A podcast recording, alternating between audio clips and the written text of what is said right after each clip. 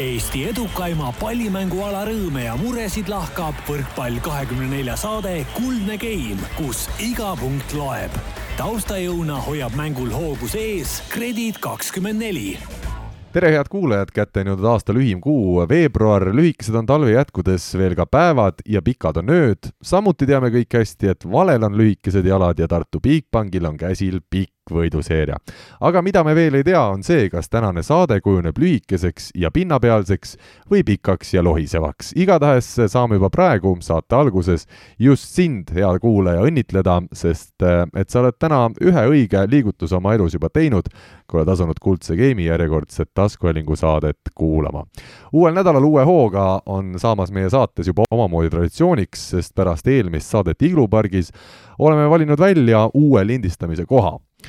ja kus me oleme, oleme täna siis Mihkel Uibolehe kodus, tema kolossaalsetes valdustes, võib öelda villas, vaatega kahtlaselt jalgpalliväljakut meenutavale rohelisele õuealale, kus kasvatatakse üksnes äh, muru. paistab, et ebameeldivate putukate eemale peletamiseks on sellele murule lastud teatud kohtadele ka valget mürkainet, mis moodustab taaskord kahtlaselt sarnased jooned jalgpalliväljaku omaga. ja et kõik võrkpallisõbrad saaksid Mihkli koduseid toimetamisi võimalikult hästi vaadata, on Mihkli õueala ümber ehitatud ka kahtlaselt palju jalgpallistaadionit meenutav tribüün. tere tulemast, Mihkel, kuhu me siis õigupoolest sattunud oleme? oi, milline sissejuhatus, me oleme A Le Coq Arena'l mõistagi. aa, ma mõtlesin, kuidagi tuttav oli, jah. jah, sa ei saanud aru, kui ma sind külla kutsusin. tulnud jah meelde. me oleme Jalgpalli tänav kakskümmend üks, selline aadress Tallinna linnas. aa, jestas, ma mõtlesin, aga sa oledki siin, sul on siis oma siin mingi pesa siin, kus sa kus sa peitu poed õhtul? ma olen kusjuures kunagi siin tukastanud küll, sellepärast et kas mõne Eesti koondise mängu ajal, mis on väga igav olnud? ei, ei, siis ma ikkagi tavaliselt ei püsi nagu pudeliski, aga ma olen kunagi tukastanud sellepärast, et oli niisugune pikk ja raske tööpäev selja taga ja kuna oli veel vaja olla üheks pressikonverentsiks nagu eriti äh, eriti fit ja see pressikonverents oli sellisel ajal, kus, kus oli ka niisugune paaritunnine auk, siis ma tunniks ajaks siin töömeeste toas lasin silmaloo ja siis ajasin ennast püsti ja tegin selle pressika ära, läksin siis koju, et selles mõttes selliseid, selliseid asju on, on tulnud, aga töömeeste, ma küsin üle, töömeeste ruumis, kas sina nagu oma staadionitööliste. jaa, sina, sest ma mõtlesingi, et töömees, et sa ise teed ka siin tööd ikkagi, et aga seda sa noh, kuidagi nimetad natuke kõrgemaks pilotaažiks. ei, ei, ei, see on, noh, see on ikka, ikka niisugused, need, kes teevad tegelikku tööd, on vastupidi need, kes on näpud siin murus ja, ja mullas, et mina ikkagi olen selline noh, valgekrae siin. täna on siin valge millegipärast, lumi on katnud selle väljaku, mis nüüd siis on, kas lasete luuslangi siin keset talve, miks ei võiks kasutada talvel ka kuidagi mingi siis teisel otstarbel seda staadionit? No ma tean, et jah, et Kuldne Game ja Võrkpalli kakskümmend neli tahab doteerida seda elektri- ja gaasiarvet, mis pärast tuleb, aga aga ei, eks meil tegelikult ju kahekümne neljandal märtsil on siinsamas A Le Coq Arena'l ju rahvuskoondise mäng. Eesti mängib Küprosega UEFA Rahvuste Liiga siis äh, otsustavat mängu, kes jääb C-tasandile püsima, kes kukub D-tasandile. nii et selleks ajaks peab olema siin äh, roheline muru, meil on aega noh, poolteist kuud laias laastus, ehk siis äh, õige pea läheb siin tööle altküte mis hakkab seda pinnast äh, siis sulatama, siis viiakse see lumi välja, siit pannakse, mis on nagu tegelikult päris pikk ja jõhker töö, sest noh, mingit tehnikat sa siia peale ei saa lasta, et see on puhas käsitöö. ja siis pannakse niisugune suur kasvuhoonet meenutav kate siia peale ja siis aetakse sealt kuuma õhku sisse ja siis tekib selline mõnus kevadine tunne seal all, nii et märtsi kahekümne neljandaks või õigemini kahekümne kolmandaks, kui juba trennid on, peab olema siin sõltumata sellest, mis väljas on, peab olema korralik äh, muruväljak, nii et siis on see hoopis teistsugune, aga praegu ta on ikka talveunes, jah. seda kõike kuulates mul, mul jälle, ma saan aru, miks võrkpall on natukene parem või õigem ala põhjus väga lihtne, meie nimetamegi seda lumevõrkpall, see ongi selline nišiala, mis noh, mingid inimesed, kes võrkpallist väga aru ei saa, lähevad mängivad lumevõrkpalli, ütlevad, see on õige ala, lähme sellega taliolümpiale. tegelikult me võrguinimesed saame aru, on olemas kaks õiget võrkpalli, saalivõrkpall ja rannavõrkpall. Ehm, rannavõrkpallist muidu ka täna ilmselt jõuame ehm, vähemalt natukene rääkida, aga teil jalgpallis on nii, et on nagu on see ilm, mängite lume sees, mängite ilusa päikesega, et ei ole sellist stabiilsust sellel spordialal. Tohutu põnevus on ja ettearvamatus on, et äh, kas sajab vihma, tuleb lund, on miinuskraadid või plusskraadid, ikka tuleb mängida ja võitja on lõpuks see, kes äh, kohaneb iga, igasuguste erinevate oludega, et see on selline äh, noh, tõeline, tõeline parim selgub, on see siis kõige kõvem mees või naine seal väljakul. aga me oleme tegelikult täna veel väga erilises ruumis ka, sellepärast et meil on siin staadionil nimetatud kõik koosolekute ruumid siis tuntud ajalooliste jalgpallitegelaste järgi ja see on siin Gustav Laanekõrbi nimeline Jalgpalliliidu juhatuse koosolekuruum, ehk siis Gustav Laanekõrb oli sada aastat tagasi Jalgpalliliidu esimene, toona nimetati mitte presidendiks, vaid esimeheks ja, ja tema oli siis ka Eesti Spordi Keskliidu üks rajajatest seal tuhat üheksasada kakskümmend kaks, kui ma õigesti mäletan. nii et päris selline huvitav ruum ja siin on muidugi vaade, vaade väljakule ja siin on sellised märgilised meened ja karikad siin Saksa. Need on suht vähe, neid karikaid, need on laiali sedasi päris. Need on, need on ikkagi ainult valitud, siin on minu arust inglaste, sakslaste ja, ja veel siin mõned, mõned siuksed olulisemad kingitused ja kõik, mis on seotud äh, kaks tuhat kaheksateist toimunud UEFA superkarikaga, on ka siin välja toodud mõned sellised. ja üks maal on ka seina peal, see on siis äh, see ei ole sinust? see ei ole, see on, äh, seal on, seal on ka näha, seal on välja toodud, kellest see maal on ja kes on, kes on maali tegija, nii et et jalgpallist on tehtud jah, Tiit Lääne, tuntud spordiajaloolase sugulane, on teinud siis maali ja seal, ühesõnaga, me oleme väga kultuurses kohas, ma tahtsin öelda lühidalt. kultuurikatel võib öelda selle kohta, kus me täna tõesti oleme, aga kuna ma usun, et selle asukoha kohta on meil ka võib-olla tänastel teistel saates kaalusalööjatel oma sõna öelda, siis hakkamegi tutvustama. minu siis vasakul käel istub, täna ma saan aru, et ma olen Aivar Pohlaku kohal istun praegu, jah? sa oled laua otsas, laua otsas, jah, koosoleku juhataja tavaliselt on seal ja kuna see on juhatuse ruum, siis Aivar juhatab tavaliselt koosolekut, nii et siis sa jah, oled mingitesse pahandustesse ma ei satu praegu. no vaatame, kui sa saate üles paned ja ära kuulatakse, mis siis saab, onju. vaatasin juba alguses ma mõne kommentaari tegin, mis võib-olla ei pruugi nii meeltmööda olla. aga igatahes minu vasakul käel istumas täna mees, kes kuuldavasti pole võrkpalli kõrval ka jalgpallis, kui kehv käsi või peaks ütlema kehv jalg. tere tulemast, äh, Tallinna Selverid ja kanaarründaja ja meile kõigile väga palju ka rannavõrkpallurina ütlev Timo Lõhmus tervist! no sa kuulad seda sissejuhatust, kas vaadates seda areeni siit, meil tõesti aknast paistab äh, A Le Coq Arena äh,, ei teki tunnet, et äh, võib-olla pidanuks hoopis jalgpalli keskenduma noorena? kuule, ei tea ausalt öeldes, et äh, jalgpalli on mängitud küll tegelikult noorest peast, et äh, pigem, pigem meeldib see, meeldib see võrkpall ikka, et äh, jalgpall on niisugune natukene füüsilisem ja kuna ma olen niisugune väike poiss, siis siis äh, võrkpall on just see õige ala, ma arvan. no jalgpalli mõistes võib-olla sada kaheksakümmend seitse sentimeetrit, ma ei tea, äh, Mihkel, on see, on see selline pisike poiss? ma mäletan, Thierry Henry oli kunagi sada kaheksakümmend seitse, kuna minul oli tema jalgpallikaart, siis ma tahtsin alati saada Thierry Henry suguseks ja siis sada kaheksakümmend seitse pikaks, nii et Timol nagu selles suhtes on see minu unistus täide läinud. Google ütleb, et Martin Reim on sada kaheksa, sada kuuskümmend kaheksa sentimeetrit pikk ja ma mäletan, kuidas ta mängis äh, näiteks Eesti-Tšehhi maavõistlus kunagi oli mängis Jan Kolleri vastu, kes oli selline kaks ja ka mõni sentime-, kaks meetrit ja mõni sentimeeter peale ja siis ta mängis keskkaitses Jan Kolleri vastu, kes oli siis tipuründaja. sai hakkama küll, et ei juhtunud midagi hullu, nii et tead, see pikkus ei ole üldse teema, et nii nagu võrkpalliväljakul leitakse Rait Rikbergile oma koht, nii leitakse ka jalgpalliväljakul äh, äh, meeter, no ma ütlen, Taio Tõniste näiteks ei ole ka ju noh, tohutult pikk, aga ta on väga niisugune sitke ja isa, nii et Äh, mina elasin Martin Reimi isa kõrval majas Mustamäel ja olen Arte kooli kõrval olnud, nii et äh, kuidagi ikkagi õnnestus mul veel sellest hoolimata, sellest asukohast äh, õiget spordialad lõpuks üles leida, kuigi ka jalgpalli mängisin noorena. aga Timost me oleme nüüd lühidalt rääkinud tutvustuses, toome mängu ka tänase saate neljanda liikme otse Tartust, ma ei tea, kas ka Tammeka siis kodustaadionilt võib-olla on meid äh, täna siis äh, helis tervitamas Alar Rikberg, tere Alar! tervist ja pole ma sugugi jalgpallistaadionil, vaid hoopis Tartu linna võrkpalli ja korvpalli mekas ehk siis Tartu Ülikooli spordihoones. aga kuidas seal tundub, kas seal on ka ilus vaade, ma olen käinud teil selles äh, treenerite ruumis, kus sa hetkel istud, seal ei ole isegi akna, akna moodi mingit niisugust moodustistki, et meil siin on tõesti laiub kaunis vaade, romantiline vaade staadionile. jah, mina saan vaadata äh, ükskõik millist äh, neljast võimalikust seinast. akent siin tõesti kontoris ei ole ega väga puudust ka ei tunne, see on töö tegemise koht, aga suurem osa tööst tehakse ikkagi palliplatsil ära ja kontoris ei ole mõtet hommikust õhtuni aega veeta. ja ütleme nii, et ega peale treenerite siin keegi tööd ei tee, et meil kontoritöötajaid spordihallis ju võrkpallimeeskonna juures ei ole. ehk siis äh, juhtimistegevusi äh, tehakse linna teisest otsast ja otsuseid, et äh, küll neil on seal ka aknad olemas. Alar, kas sa A Le Coq Arena'l oled käinud oma elus? ei, ma ei ole rohkem kokku puutunud kui korduvalt mööda sõitnud sellest äh, rajatisest. siis, äh, siis mul on korra olen vist rääkinud ka, et Eesti koondise mängule olen ma jõudnud ühel korral elus. Äh, pigem oli võidukas, või oli äkki Viigiga mäng.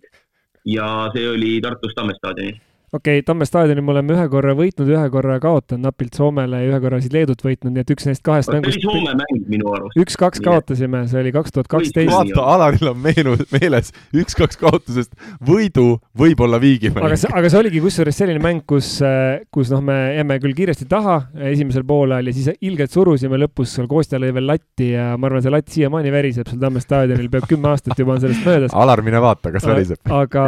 jah, sellest on küll julgelt kümme aastat möödas ja miks ma sinna sattusin, oli sellepärast, et ma elasin Tamme staadionist äh, sellise kolme-neljasaja meetri kaugusel ja kuna see mäng nii koju tuli, siis ma ka sinna juhtusin. aga ma loodan, et ma oma elu jooksul jõuan ära käia ka ikkagi A Le Coq Arena'l kunagi. ma just tahtsingi öelda, et mis sa kahekümne neljanda märtsi õhtul teed, et mul on sulle selline küllakutse siia A Le Coq Arena'le. avalikult saab teha nüüd läbi saate, et, et kui sa, kui sul vaba õhtu juhtub olema, siis oled oodatud siia Karl lubas ka tulla muuseas. loomulikult. otse, otse loomulikult on äh, plaan pikalt paigas, kahekümne kolmandaks märtsiks on planeeritud Eesti meistrivõistluste vajadusel viies poolfinaal. aga ei ole ja vaja ju. seitsmendal märtsil algab juba Alar. Eesti meistrivõistluste finaalseeria. Alar, see on nüüd sinu teha, et sa viiendat mängu ei pea mängima. siin ei ole ju kedagi teist ei ole öelnud, me oleme täpselt pannud selleks ajaks selle koondise ja, mängu. see ongi ideaalne, vaata, sa, sa käid vahepeal nagu lõõgastamas, et sellest äh, nagu poolfinaali, finaali äh, rütmist nagu välja saada, et siis kahekümne neljas oleks ju väga hea siia Tallinnasse sõita. jah, ma arvan, et saadan enda asemel oma abitreeneri, kes on äh, suur jalgpallifänn ja peresidemete kaudu ka seotud rohkem selle jalgpalliga ehk siis las Oliver Lüütsepp tuleb ja vaatab selle mängu ära. selge, aga ma ei jäta jonni, siis ma järgmise, järgmine kord teen uue küllakutse. no tee veidi mõistlikumal, äh, mitte isegi kuupäeval, vaid kuul. Äh, teine, teine juuni. külmetama tulla, et teine juuni, teine juuni on järgmine no. variant sul.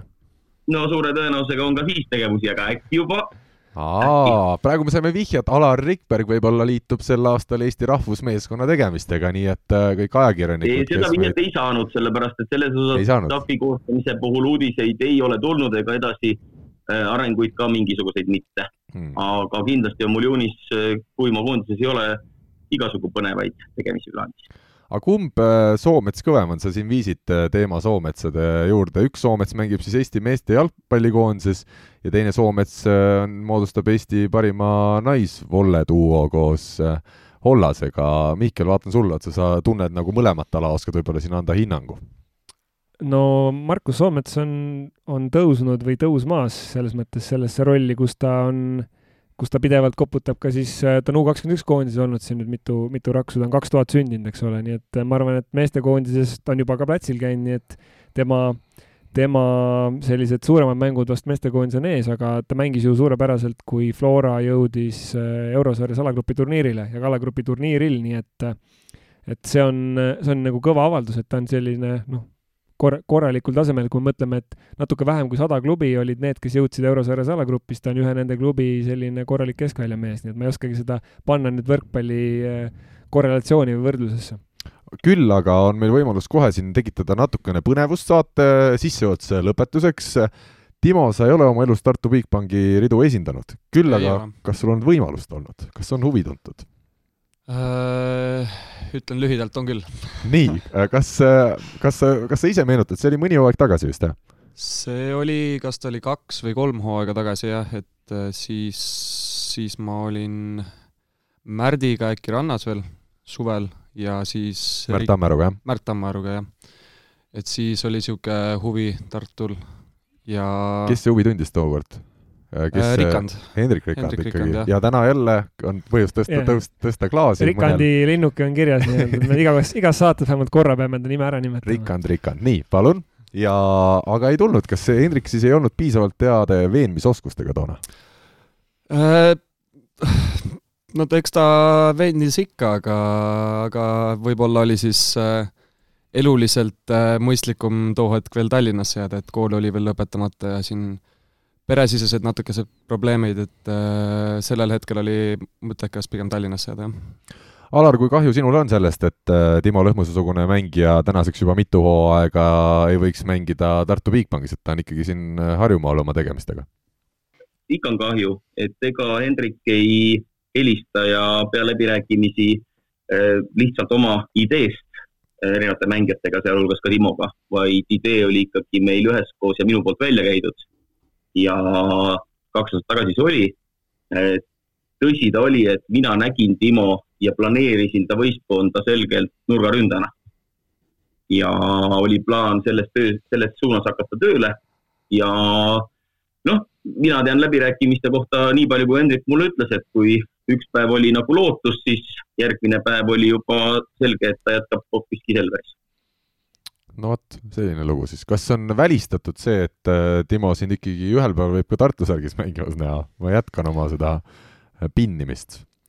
no las Timo vastab sellele küsimusele on võimalus, et mind näeb äh, Tartu särgis mängimas, on võimalik, et mind näeb üldse rannavõrkpalli Maikas mängimas näha, et see, see on veel lahtine siin selge, Alar, sa oled siin meil rannavõrkpalli teemadel ka saadetes ikka sõna võtnud.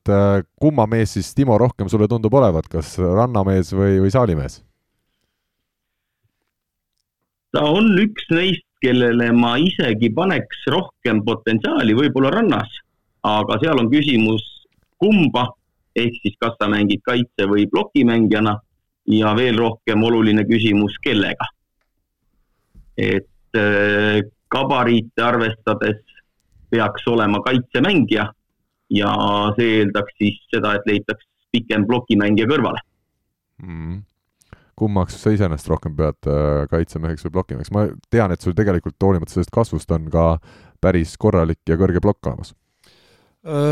eks ma ise pean ikka ennast, noh, kui just tulevikku vaadata, et siis äh, ikka kaitsemängijaks, et äh, sa võid ju kõrgele hüpata ja seal käsi hästi hoida, aga no kui ikka lühike, lühike mees oled, siis äh, ega sa seal äh, maailma nii-öelda tipus ei saa seal plokis nende kahe poolemeetriste kollide vastu küll äh, mitte midagi hakkama, et et selles mõttes tuleviku mõttes on kindlasti jah, kaitsemängija täna oled sa saalivõrkpallur, eelmine hooaeg, siis saali hooaeg, selle sa jätsid vahele ja keskendusid äh, Dmitri Rotkoviga äh, täielikult rannavõrkpalli mängimisele. sel sügisel tuli see otsus tulla tagasi saali.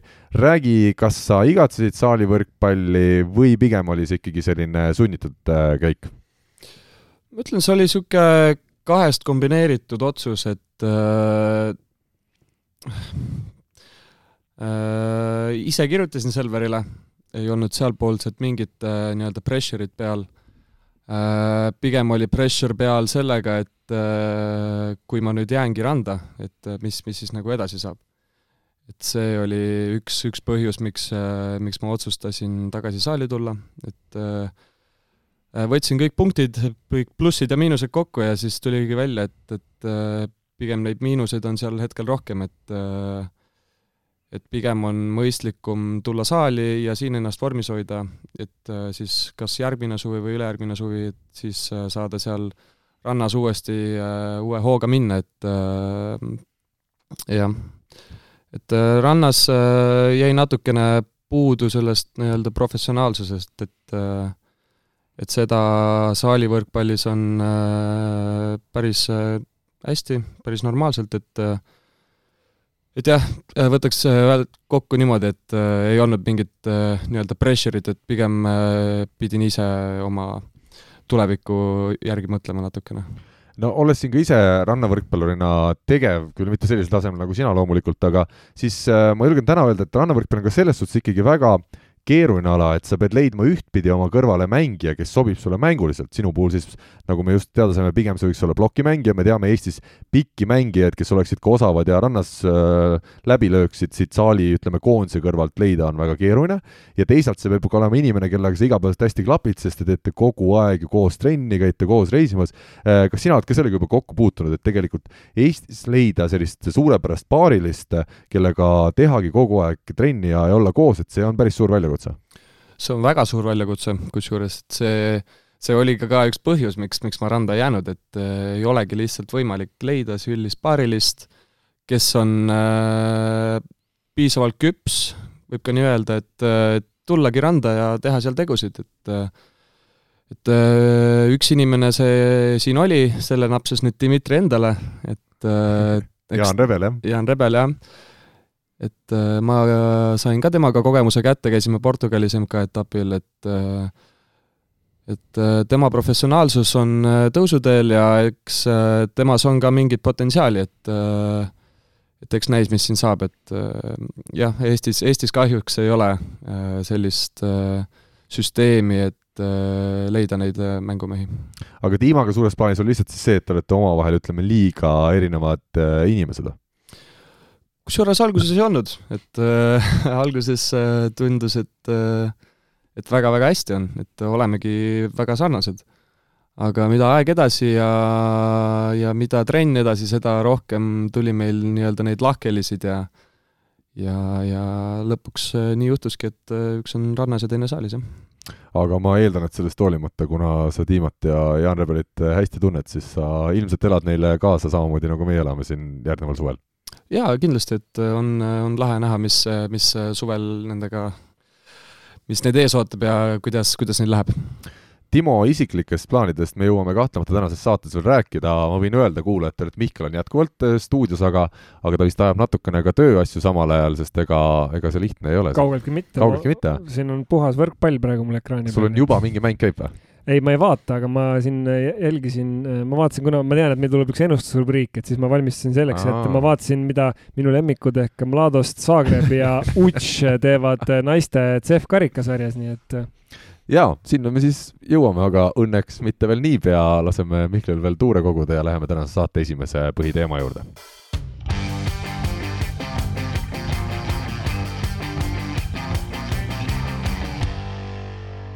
Grade kakskümmend neli Balti liigas oli eriskummaline nädalavahetus, ma arvan, see on vähim, mida me saame öelda, kuid Tallinna Tehnikaülikool võttis võõrsil kolm-null võidu Jelgava üle ning Tartu Bigbank sai kolm-null võidu Taugapilsi ja Jekapilsi üle see oli kõik ootuspärane ja normaalne, siis Selver kaotas üks-kolm Jekapilsile ja kaks-kolm Taugapilsile ning äh, tabeli seis muutus siis äh, seal äh, esinelikus päris oluliselt, kui arvestada ka seda, et mitmed olulised mängud on veel ees ootamas, siis Selveri olukord kahtlemata muutus keerulisemaks, aga enne kui me hakkame Selverist rääkima, õnnitleme Tartu Bigbanki ja Alar Rikbergi põhiturniiri võitu nüüd kindlustatud, teeme siin Tallinna tagasihoidlikus stuudios ka väikese aplausi no Alar, kuidas kõlab, ega vist rohkem tunnustust selle põhiturniiri võidu eest, kui see aplaus äh, ei, ei olegi saanud, ma eeldan, et eks töö läheb ja käib edasi? ega ei olegi vaja ja nädalavahetusele Lätti sai sõidetud ühe eesmärgiga, sõltumata nagu tulemustest, et kindlustada ära põhiturniiri võit.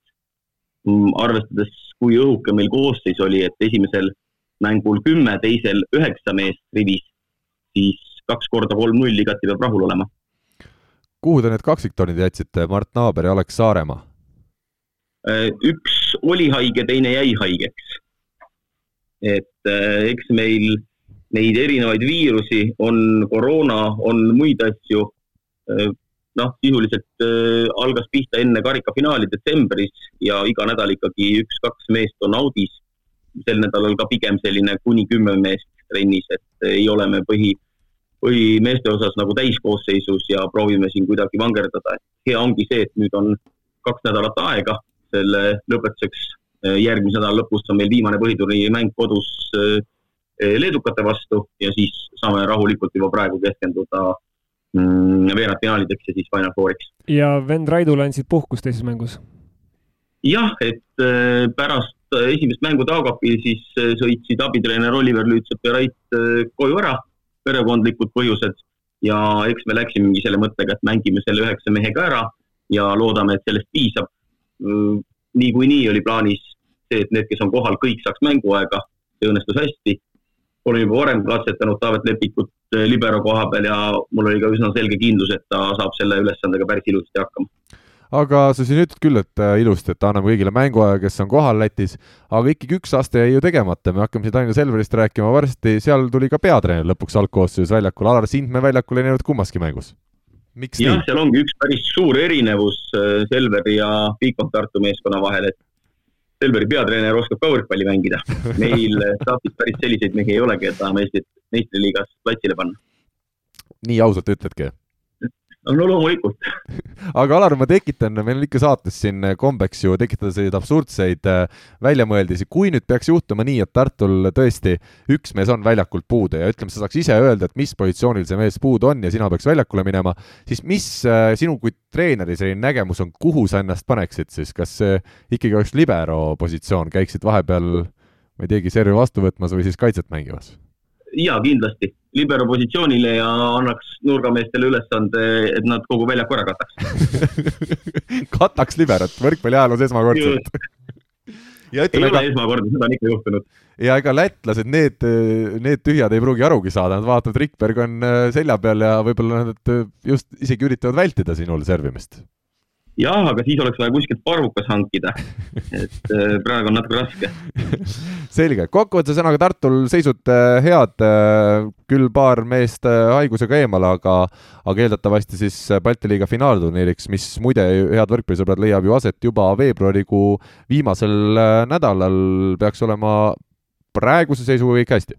jah, ikka selge. Aga.... ma, ma just tahtsin selle öelda selle Jekapilsiga mängu kohta, et ma vaatasin seda ka ja seal nagu äh, vähemalt selle pildi järgi, mis oli, et noh, paar sellist nagu huvitavat hetke oli, kus Jekapils nagu tõmbas ennast käima ja seal oli, tundus, et publik oli päris selline, vähemalt see, see heli, mis kostis sinna ot, otseülekandes, oli niisugune, et publik oli nagu päris äh,, päris jõuliselt elas omadele kaasa, aga nagu noh, tegelikult seal ju, Alar, sul ei olnud ka äh, nagu vähemalt mälu järgi ütlen, väga palju time-out'e ei pidanud võtma ja sa ei pidanud nagu noh, Gert Toobal, kes oli olemas, ei pidanud ka kordagi sekkuma, et sul nagu mõned kohad olid, kus Ekapils nagu hoidis seda mängu natukene huvitavana, aga, aga sisuliselt ikkagi otsustavad hetked Tartu võttis nagu selgelt ära. ma ütlen vahele, et ma arvan, et need olid hoopis närvilised äh, lätlased, kes olid äsja oma elektriarve võib-olla kätte saanud, võib-olla nad ei olnudki mängu peale närvis, sa, Alar, oskad rohkem kommenteerida, kuidas Lätis sellega lood on?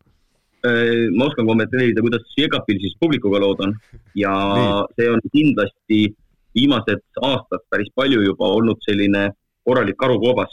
Ja minu kolme aasta jooksul ega ka äh, näiteks statistik, kes on veel eelnevad aastad juba töötanud äh, Bigbank Tartu meeskonna juures, ei ole ühtegi nii lihtsat mängu olnud Jegapil siis tulemuse mõttes.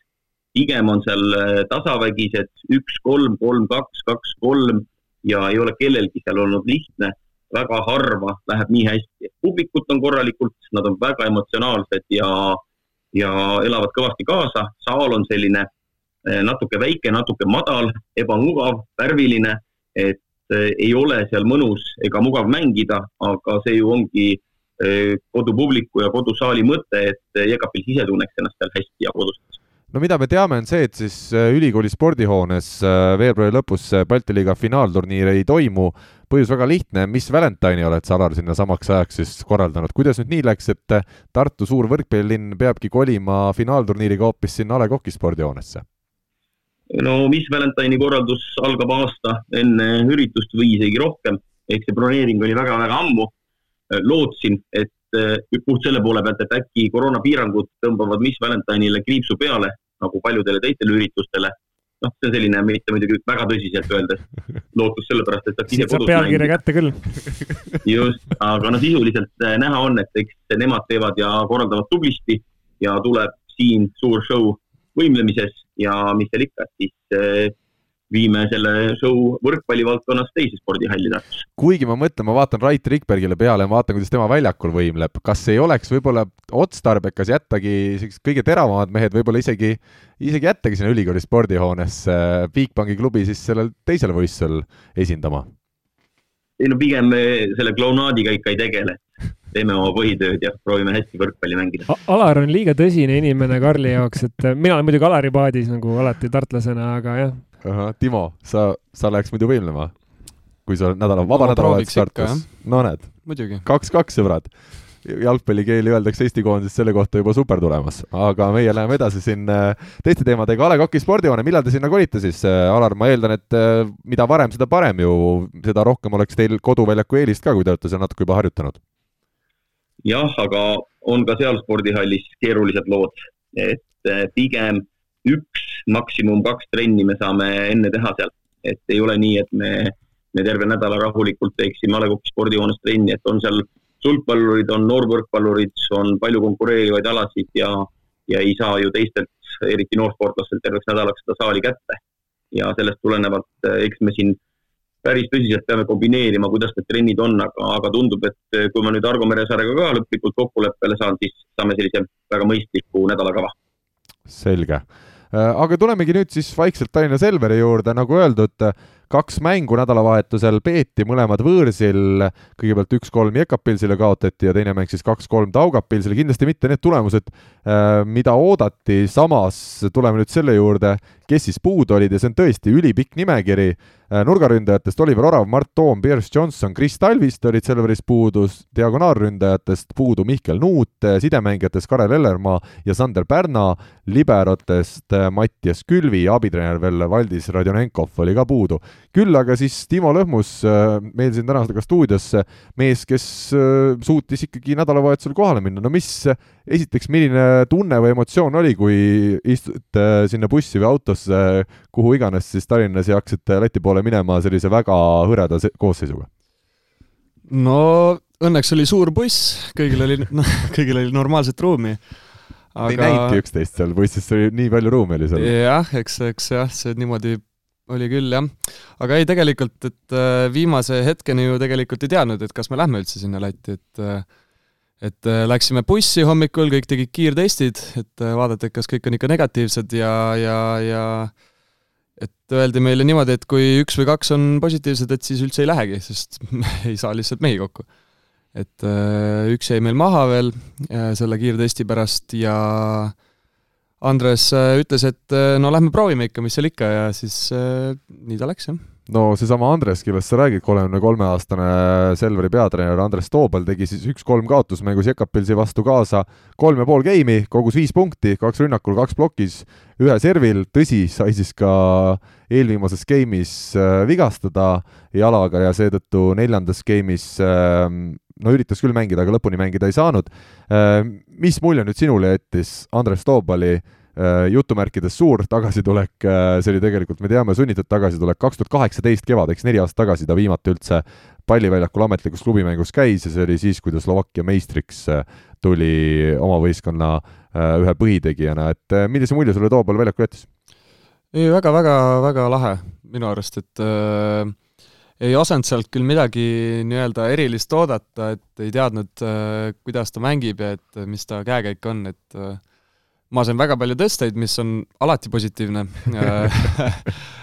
et äh, jaa, ei lahe minu arust, et kõigile, kõigile meeldis, kuidas ta mängis, et äh, ta tõi nii-öelda seda täiskasvanulikkust meile veel tiimi juurde, et äh, et jah, see on, see on väga lahe. kas see on siis natuke teistmoodi, et kui ta on väljaku kõrval treenerina ja platsil mängijana, et ikkagi mängijana mängus sees olles ta saab rohkem võistkonda seda rahu tuua kui väljaku kõrval isegi?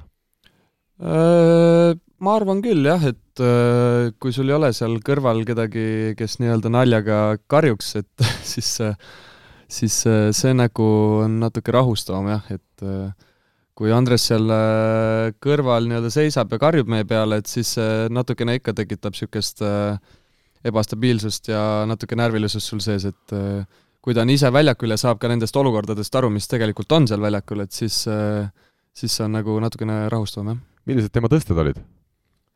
tõsted olid äh, väga head halvasti ei saa ju öelda talle siin, ta kuulab seda aga tegelikult äh, mulle endale muidugi seda pilti või mängu vaadates tunduski, et selgelt oli ta, ütleme, kuidas öelda, krobeline oli Andrese mäng, kuna nii pikk mängupaus on sees, samas ta, ütleme, sidemängijana ikkagi oma põhiülesande täitis ära, ehk pallid jõudsid äh, ründajateni ja nad jõudsid suhteliselt stabiilselt, kindlasti see mäng ei olnud mega kiire, mida te mängisite, aga, aga vähemalt äh, mehed said rünnata ikkagi. jaa, et äh, sidemängija ülesanne ongi meestele pall ette tõsta, et vahet ei ole, kuidas ta tõstab ja ründajate ülesanne on see pall ära lüüa. Ja, ja, ja nii see ka oli, et vahepeal löödi ära, vahepeal ei löödud ära, et Andres sai oma nii-öelda nende tõstetega hakkama. tõstetega jah, hakkama, et äh, kas ta trennis on palju aidanud teid või, või pigem on need olnud harvad korrad, kui ta ise on ka tõsteid jaganud? ta on meid aidanud siis, kui meil ei ole kahte sidemängijat, et siis ta on aidanud, et äh, seda väga-väga tihti ei juhtu, nüüd äh, eelmine nädal juhtus seda natukene rohkem, jah ja see vigastus, see ikkagi tähendab seda, et Andres Toobali hooaeg on ühtlasi vist äh, lõppenud mängijana? mängijana vist äh, loodame, et on, jah. et tulevad teised mehed tagasi? jah. Äh, millise mulje sulle Karel Ellermann jätnud, mees, kes siis Tallinna Ülikoolist esiliigast toodi Selverile appi, kui Renat Vanker lahkus? ma isegi natukene võrdleks seda Andresega, mitte just mängu poolest, aga pigem niisugune olek ja suhtumine, et et ta on hea mängija, väga mõnus on temaga mängida, ise väga palju pole temaga just mänginud, siin ühe mängu, jah, ühe mängu, ja ega neid trenne ka väga-väga palju pole olnud, et tal on, ta on tööinimene, et tal on muud kohustused ka. aga üleüldiselt väga okei okay väga stabiilne, oskab mängu lugeda, suhtumine on super, et tiimiga saab ka väga-väga hästi läbi, et väga hästi. Nii et ütleme, võrreldes nende noorte sidemängijatega, kes teil on siin sel hooajal erinevad mehed käinud äh, abis ja, ja olnud rohkemal või vähemal määral võistkonna sees, siis nendega võrreldes peaks ikkagi klass, klass kindlasti kõrgemal olema mm,? Jah, klass kõrgem, ma arvan küll, jah, kogemusi kindlasti ka rohkem et äh, noored meil mänginud ainult ju noorteliigat, et et sealt äh, väga kogemusi ei ole tulnud, et jah. Millal te nüüd uuesti trenni saate korralikult tegema hakata või siin mehed tulevad ükshaaval tagasi koosseisu? kusjuures ausalt ei oska öeldagi, et äh, täna on meil iseseisev trenn, jõusaal ja homme peaks juba olema pallitrenn, et vaatab, palju seal mehi kohale tuleb ja mis üldse teha saab. me lindistame seekord saadet siis teisipäeva õhtupoolikul, nii et kolmapäeva hommikul peaks saade minema ka kuulajatele üles. no Alar, kas jõudsid ka jälgida Andres Toobali tegutsemist ja, ja Selveri neid mänge nädalavahetusel? Ei vaadanud rohkem kui statistikanumbreid, et keskendusime ikkagi oma mängudele ja, ja kuna me Selveri meeskonnaga elasime Taugapil siis samas hotellis, siis äh, pühapäeva hommikusöögi ajal natukene ajasin Andresega juttu, aga selge see, et äh, kui meil oli hõre koosseis, siis Selveril oli väga hõre ehk siis üsna miinimumini viidud koosseis, millega nad Lätis hakkama pidid saama, et selle poole pealt mõnevõrra loogilised tulemused ja Selveri seisukohast natuke kahju, et äh, rohkem punkte ei tulnud, et, et oli võimalus sealt võtta küll, arvestades eriti seda, et see tabeliseis võib ju kohtadele, ütleme siis kolmandast Eh, viiendani-kuuendani minna päris tihedaks lõpuks. nii on ja selle tabeliseisu juurde ka kohe tuleme, aga kas see, et kolmekümne kolme aastane Toobal väljakul oli, pani sind ka, Alar, mõtlema, et äh, äkki ikkagi veel kord äh, mingil hetkel ta võiks sidemängijana ka äh, sporti teha või, või sa arvad, et see on igati õige tee, et ta on nüüd valinud treeneri ameti ja, ja loobunud, ütleme, pärast neid väga pikki siis põlevkivitööstusega seotud äh, perioode mängijana, mängijana jätkamisest? mingist hetkest alates inimene tunneb eh, nii hästi oma keha, et ta oskab selle põhjal otsuseid langetada ja selge on see, et kui spordi tegemine eh, pakub rohkem valu kui lõbu, siis ei ole mõistlik eh, jätkata spordis sportlasena, vaid pigem treeneri või, või muu positsiooni peal aga Tartul siis põhiturniiri võit kindlustatud, eh, viisteist mängu, neliteist võitu, nelikümmend kolm punkti. TalTech eh, on nüüd teisel kohal ja tundub, et ikkagi väga kindlalt ka Äh, põhiturniiri teise koha kindlustamise suunas äh, liigub, neil üheteist mänguga kaheksa võitu ja kakskümmend viis punkti. Selver on veel kolmas, aga tasub nüüd meeles pidada, et Selveril juba viisteist mängu peetud, kaheksa võitu ja kakskümmend viis punkti ja nende selja taga siis Leedu esiklubi Karkstai, kellel peetud neli mängu vähem kui Selveril, aga kogutud siis üheksateist punkti, nii et Karkstai võib tulla järele ja iseenesest äh, Selverit on ohustamas ka Pärnu, kes on hetkel tabelis kuuendal kohal, nendel üksteist mängu peetud, ehk siis viis mängu veel ees ootamas ja neliteist punkti kirjas, et äh, siin tõesti palju huvitavaid mänge on veel ees ootamas ja ütleme just Läti ja Leedu klubid on siis need, kellega me meie erinevad võistkonnad äh, mängivad siin, Eesti klubid omavahel enam äh, mängimas ei ole ja, ja kõik on veel lahtine. Alar, kuidas sulle tundub, äh, Tartu number üks, TalTech number kaks, aga kes see selle kolmanda koha lõpuks siis põhiturniiril ära võtab? no Eesti klubid omavahel on ikka mängimas, Pärnu ja TalTechi edasi lükatud mäng on ja, ju veel pidamata. see on, see on veel üks jää pidamata. ütleme niimoodi, et nii TalTechil kui Pärnul, ega neil ju on päris häid võimalusi palju punkte saada sest neil on neli mängu Läti klubide vastu ja mõlemal kõik kodumängud. ehk siis sealt on potentsiaalselt kaksteist punkti soolas nii TalTechile kui Pärnule. aga sisetunne ütleb, et TalTech niikuinii võtab kindlalt oma teise koha ja äh, Pärnu Selverit pigem kätte ei saa. ja praegu on, eks ole. leedukad võivad mööda tõusta, see sõltub hästi palju sellest nädala lõpust, et ega leedukatel kvaliteeti on, aga lihtne neil ei ole ka neil oli koroona tõttu sunnitud päris pikk äh, mängupaus. loomulikult tähendas see ka treeningpausi ja nüüd sel nädala lõpul lähevad nad ju Lätti ja mängivad kolmel päeval järjest.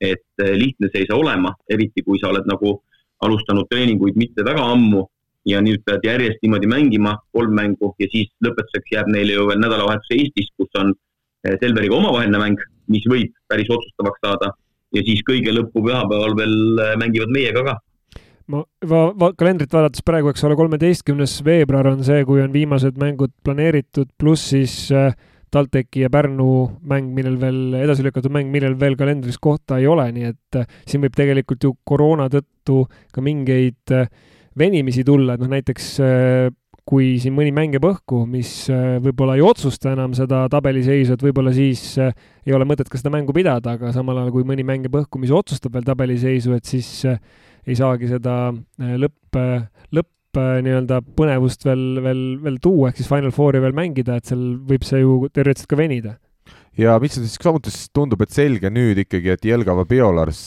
on siis tänavusel hooajal see klubi, kes ainsana play-off'i ehk kaheksa parema hulka ei pääse, nendel on kolmeteistkümne mänguga kirjas vaid üks võit ja neli punkti ja äh, kaheksandal kohal paiknevast Taugapil siis jäädakse siis maha juba seitsme punktiga aga äh, läheme siit siis päris sujuvalt edasi, räägime, Timo, lühidalt äh, sinu enda hooajast. Äh,. esmalt võib-olla Alarile üldse küsimus, kas sina tead, kas Eesti äh, paremates klubides on kunagi olnud põhidiagonaalründaja saja kaheksakümne seitsme sentimeetri pikkune, et Timo ikkagi oma vasaku käe ja sellise suhteliselt lühikese kasvuga on, ma julgen öelda, diagonaalründaja, diagonaalründajana üsna eriline nähtus Eestis.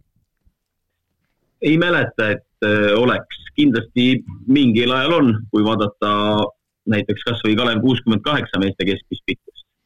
et äh, erinevaid süsteeme, ideesid, noh, üldiselt on see erandlik, aga teistpidi ega Bigbank Tartu Valentin Kordaski väga palju pikem ei ole.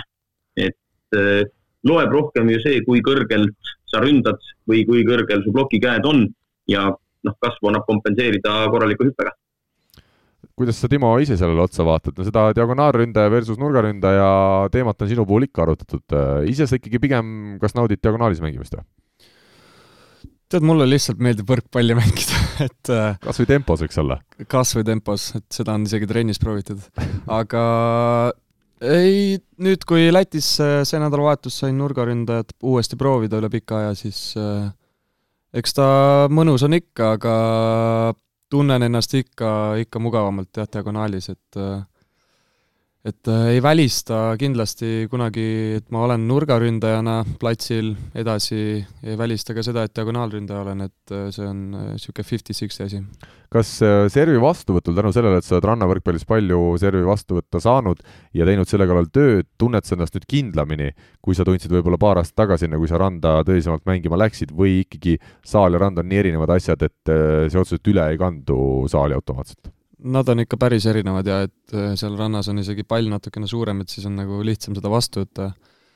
et äh, eks ta kerge ei ole jah, kui esimene mäng seal vastu võtsin, siis äh, käsi ikka normaalselt värises, et äh, eks ta on natuke keeruline ja ikka, kui sa oled terve hooaeg teinud diagonaalina trenni, et pole põhimõtteliselt üldse nii-öelda vastuvõtul palli puutunud, et siis eks, eks ta paratamatult on keeruline.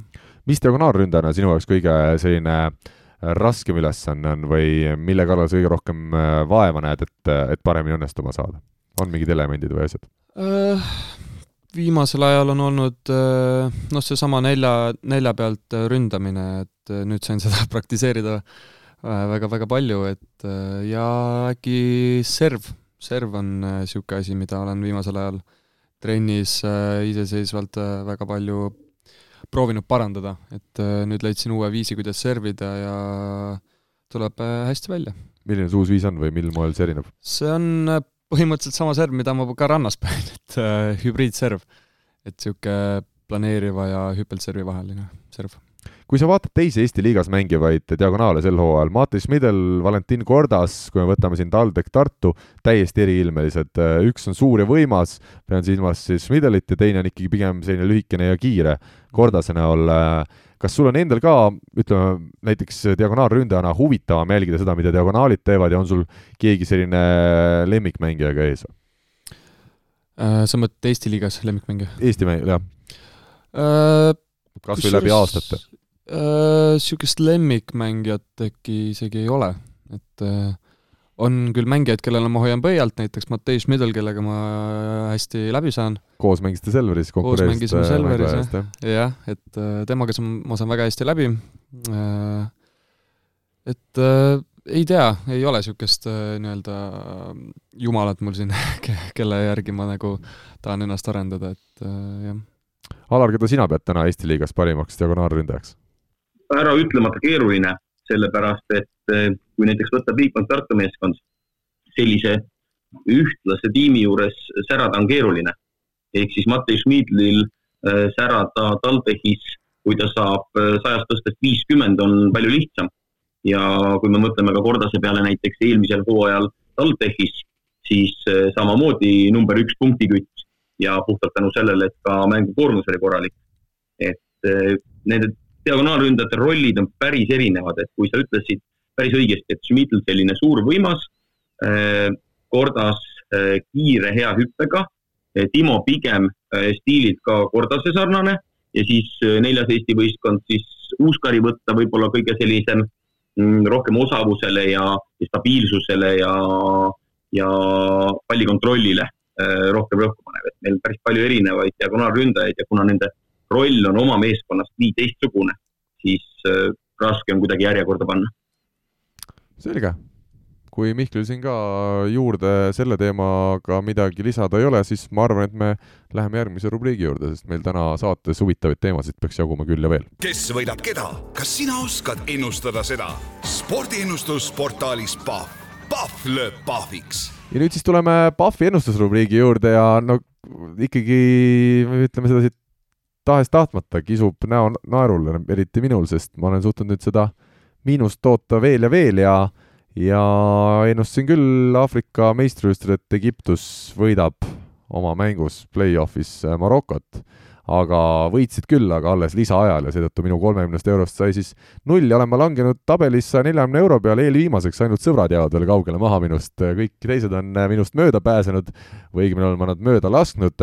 Mihkel, sinu jaoks ei olnud ka nädal just kuigi edukas, ühe ennustuse panid pihta, teise mööda, kokkuvõttes nädalaga ikkagi tuli kümme eurot miinust, ometi jätkad teisel kohal, Rivo järel on sul siis kakssada kakskümmend seitse eurot, Rivo liider kahesaja neljakümne nelja euroga ja meil oli siis ka Taavi Nõmmistu saates, kes ennustas, tegi siin kombo panuse esmakordselt meie saate ajaloos. Ja küll kaks ennustust läksid tal pihta, aga kolmas ennustus siis, mis puudutas Poola kõrgliigat ja tema arvamist, et Radom võidab Suvalkit, läks mööda. Ja siin tasub küll öelda, et kuulake ikkagi Rait Rikbergi, äh, Tartu Bigbanki Pahvi särgis mängivat äh, liberat, tema just oma eriennustusena pakkus meile enne saadet, et äh, Suvalki selle mängu võidab, nii et Alar, jälle ikkagi tuleb õigeid inimesi elus kuulata, jah? ei, nii ta on, aga ma isegi eelmises saates Taavi mõttekäiku kuulates sain aru, üks info muidugi, infokild lihtsalt sinna juurde, et see Raadomi uus saal mis siis pidi valmis saama ja kus mäng, ma küll ei kontrollinud, aga eeldatavasti toimus, siis see saal sai valmis juba sel hooajal, kui mina olin Rešovias. ehk siis kaks tuhat kaheksateist, kaks tuhat üheksateist hooajal. ja üheksakümmend üheksa protsenti sellest saalist oli valmis, siis tekkisid rahaprobleemid, siis tekkis mingi korruptsioonikahtlus seal, ehk siis sellest ajast peale on see uus Raadomi saal lihtsalt ootanud ja nüüd nähtavasti on lõplikult sisustus ja kõik ka paika saanud no näed siis äh,. Alar, siit sain ka teada, et sa kuulad ikkagi meie saadet vahel, jah? jah, eelmisel nädalal ma olin tõbine äh,. tegin ka oma testid, selgus, et koroonas ei olnud, aga kuna ma oma meeste tervisega ei tahtnud riskida, siis nädala esimese poole ma olin kodus, Oliver Lüütsepp viis trenne läbi ja, ja siis äh, kodus olles ikka tekib vaba aega ja tekkis ka nii palju vaba aega, et saade ära kuulata no näed siis. aga läheme siis selle nädala ennustuste juurde. Alar, ma vaatan tabelile otsa ütleb see tabel seda, et sul on sada kaheksakümmend neli eurot, sa oled hetkel meie ennustustabelis viiendal kohal, millised on sinu kiired ennustused selleks nädalaks? selle nädala ennustused. Soome liiga, äh, Valepa võidab Savot. Ehk siis Andrus Raadiku vastu panen, mitte sellepärast, et mul midagi Andrus Raadiku vastu oleks, kaugeltki mitte.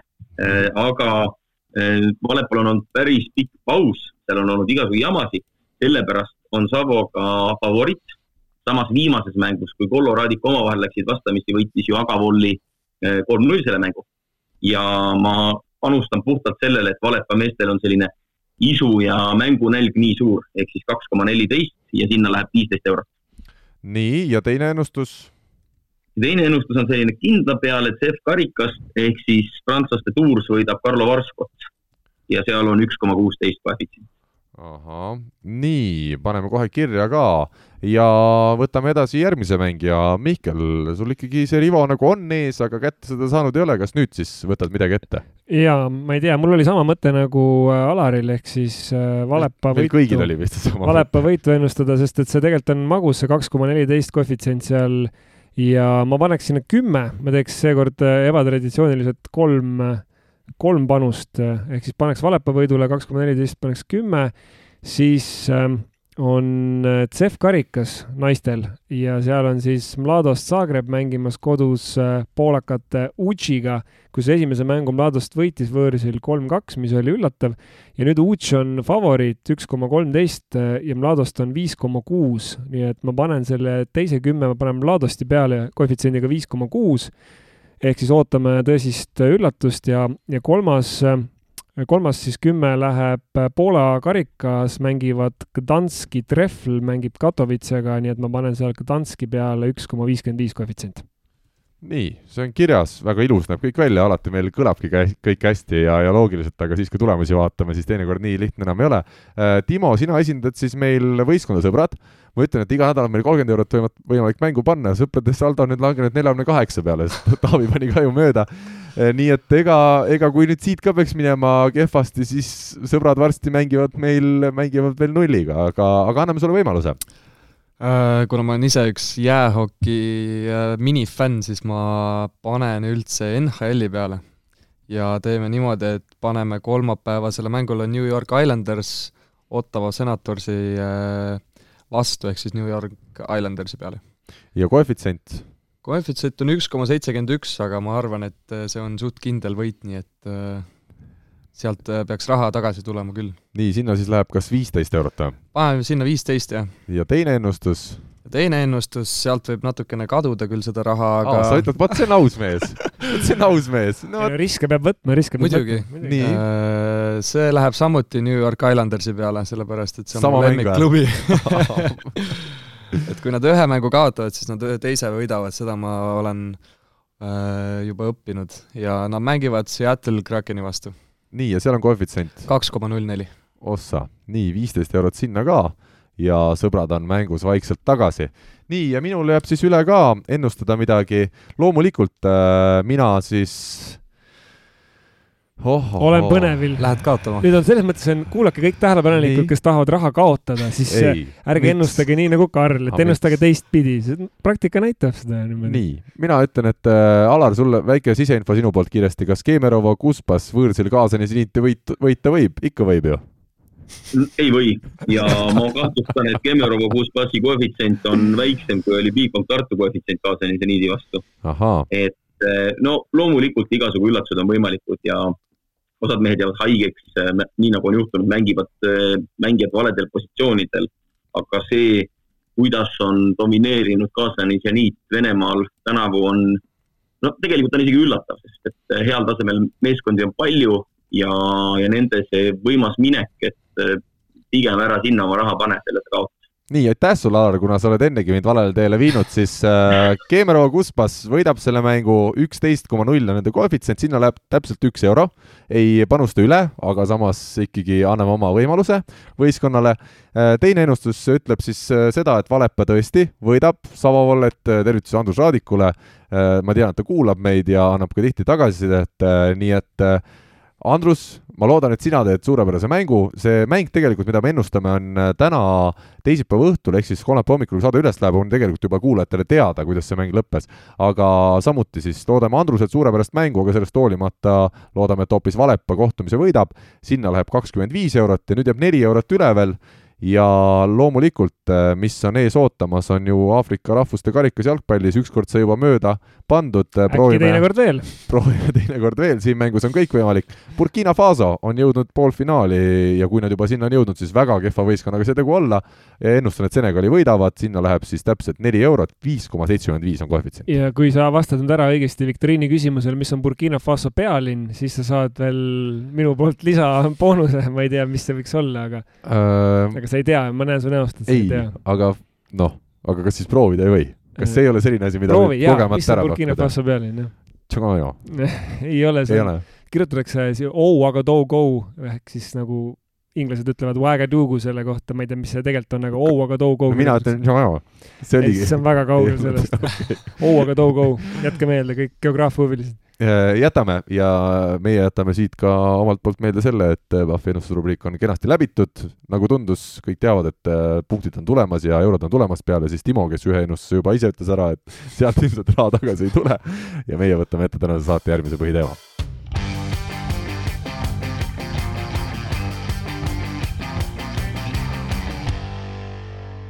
Tuleme nüüd siis äh, võrkpalli juurde taas äh, täies mahus ja naistel oli üks äge nädalavahetus. Balti liigas mängisid mitmed meie klubid, mängisid võõrsil ja tulemused olid, ütleme, eestlaste vaatenurgast äh, üsna eriilmelised. Mihkel, millele sina kõige rohkem rõhku paneksid sellest nädalavahetusest?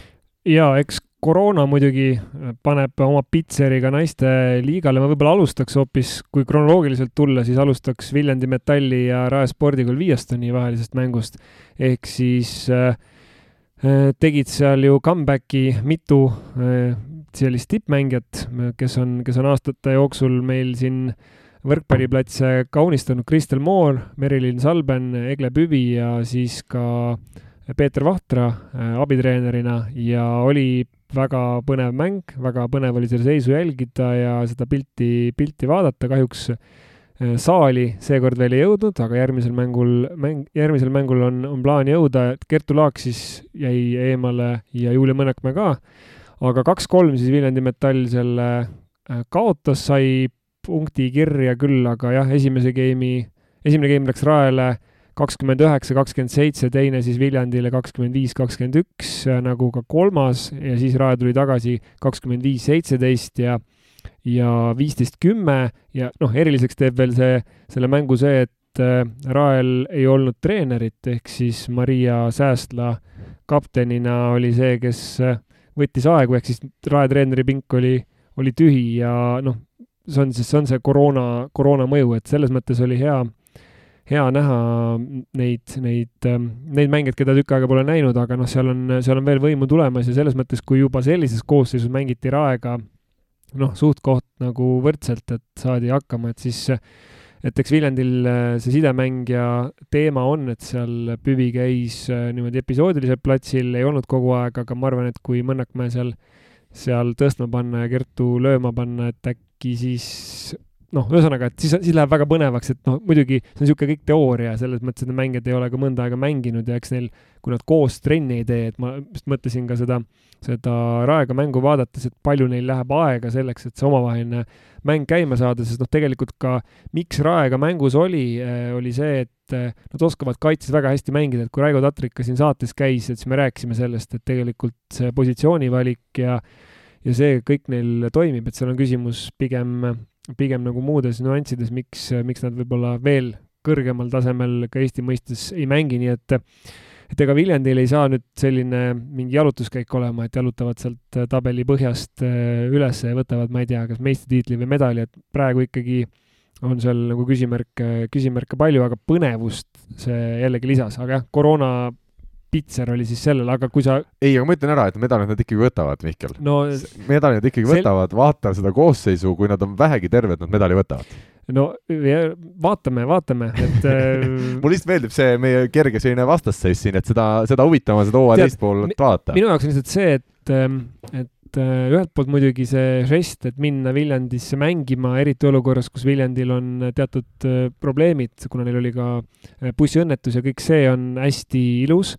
Teiselt poolt on see, et mul tekib tunne, et kui sa ei ole tervet hooaega mänginud ja sisuliselt tuled play-off ideks, teed oma võistkonna täiesti teistsuguseks, see on reeglitega lubatud, aga mul tekib nagu selline tunne, et noh, tahaks kuidagi neid tunnustada, kes on terve hooaja läbi pingutanud, et see on võib-olla võrkpalli ja mingis mõttes ka korvpalli selline minu jaoks miinuspool, et jah, need play-off'id on hästi huvitavad alati, aga noh, see sõltub paarist mängust, sõltub kõik, et see põhiturniir ei oma noh, nii suurt tähtsust, et kuidagi selline, aga kui sa alustasid sellest Balti liigast ei, mul üks, üks asi veel öelda, et Viljandi Metall tõesti, me räägime siin ju täiesti uuest klubist. sisuliselt uuest võistkonnast. uus peatreener on keset hooaega tulnud ja ma tean, kuidas Peeter Vahtral tegelikult silm särab, et ta on äh, meistriliigast tagasi ja, ja me teame, et tal see koroonaaeg just eelmisel aastal äh, äh, ikkagi väga tõsiselt oli haiglas ja, ja ma arvan, et see uus tulemine ja uus hingamine, et äh, soovime Peetrile küll igal juhul ju, ju palju edu ja jaksu. Jaa, absoluutselt, et aga kui sa rääkisid Balti liigast, siis seal Tartu Ülikool Bigbank sai võõrsil kaks võitu ja selles mõttes seal oli, seal oli võib-olla see noh, mingis mõttes ei olnud, äh, ei olnud need liiga üllatavad võidud, aga selles mõttes olulised, et ega tabeliseis on ju, on ju Balti liigas ka selline, kus iga, iga võit on seal tabeli tipus, need, nende kohtade nimel käib, käib tõsine võitlus, aga koroona kindlasti Audentese äh, võistkonda häiris, nad said siis kaks null kolm kaotust äh, Riia mõlemalt võistkonnalt. Ja seal oli mängijaid puudu küll, Häli Vahula, põhisidemängija oli puudu siis äh, oli Noora Lember puudu ja ilmselt oli seal keegi veel, igal juhul Eva-Liisa Kuivonen esimeses mängus vähemalt alustas isegi temporündajana.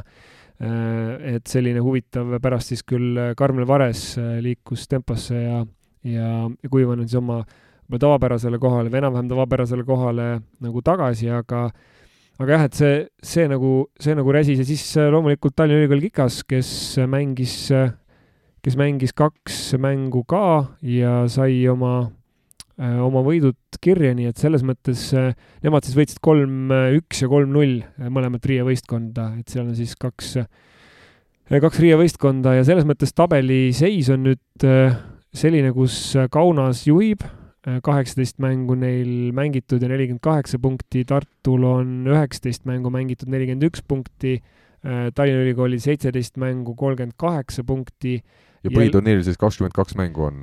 ja Jelgaval viisteist mängu ja kolmkümmend kuus punkti ja sellel äh, Joonaval, kes, keda siis siin äh, Tartu praegu võitis, kaheksateist mängu, kolmkümmend viis punkti ja siis tuleb juba nagu natukene pikem vahe, kus siis tuleb äh, Riia võrkpallikool kahekümne kaheksa punktiga ja Audentes kahekümne kuuega ja siis Riia Äh, Riia teine võistkond on seal kaheksateistkümne punkti peal. ja hetkeseisuga siis ka viimasena minemas edasi play-off'i. tundub nii, et Audentes on juba taganud omale koha play-off'is, seda on rõõm tõdeda, kuivõrd naiskondi kaksteist Balti liigas kaasa löömas ja kaheksa paremat lähevad siis edasi.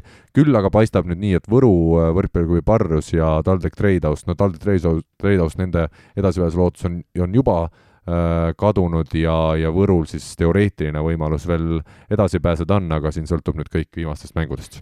ja Võru sai siis siin äh, tehnilised kaotused, ma saan aru, et see on tingitud koroona tõttu ka vähemalt, äh, vähemalt ma, ma tegelikult küll ei tea, ma lugesin siit kas kuskilt, oli see Läti või Leedu klubi kodulehelt, kas siis oli Daugavpilsi või see oli Onava klubi kuskilt sotsiaalmeediast, et eh, nad viitasid, et vastane siis koroona tõttu ei, ei tulnud igal juhul siis kaks eh, nii Daugavpilsi kui Onava käest niisugused eh, null kolm tehnilised kaotused Võru sai. Nii, aga nüüd me läheme edasi siis meeste võrkpalli juurde ja Tallinna Tehnikaülikool mängib CEF Challenge Cupil ehk siis tugevuselt kolmandas eurosarjas veerandfinaali mängud Türgi esiklubi Ankara Halkbankiga. me oleme neid mänge nüüd oodanud äh, paar nädalat ja me väga lootsime, et üks mäng nendest tuleb Eestisse ka, aga TalTech ikkagi oma traditsiooni ei murra. neljas vastane nendele siis läbi aegade ja sel hooajal kolmas vastane eurosarjas ja kordagi veel ühtegi kodumängu TalTech ei ole pidanud. Alar, kas see on paratamatu, et me suurklubi Türgist Eestis ei näe? ma ei oska öelda ja ega ma ei tea ka seda, kas äh, TalTechi kodusaal üldse oleks olnud eh, sobiv sellise eh, ütleme siis nii kaugele jõudnud turniiri ehk veerandfinaali mängimiseks. võimalik, et sealt juba tekkis esimene takistus, aga selge on see, et eh, mõlemad mängud Ankaras peetakse, meeskond seal juba mõnda aega kohal on ja, ja kindlasti saavad TalTechi mehed korralikud mängud.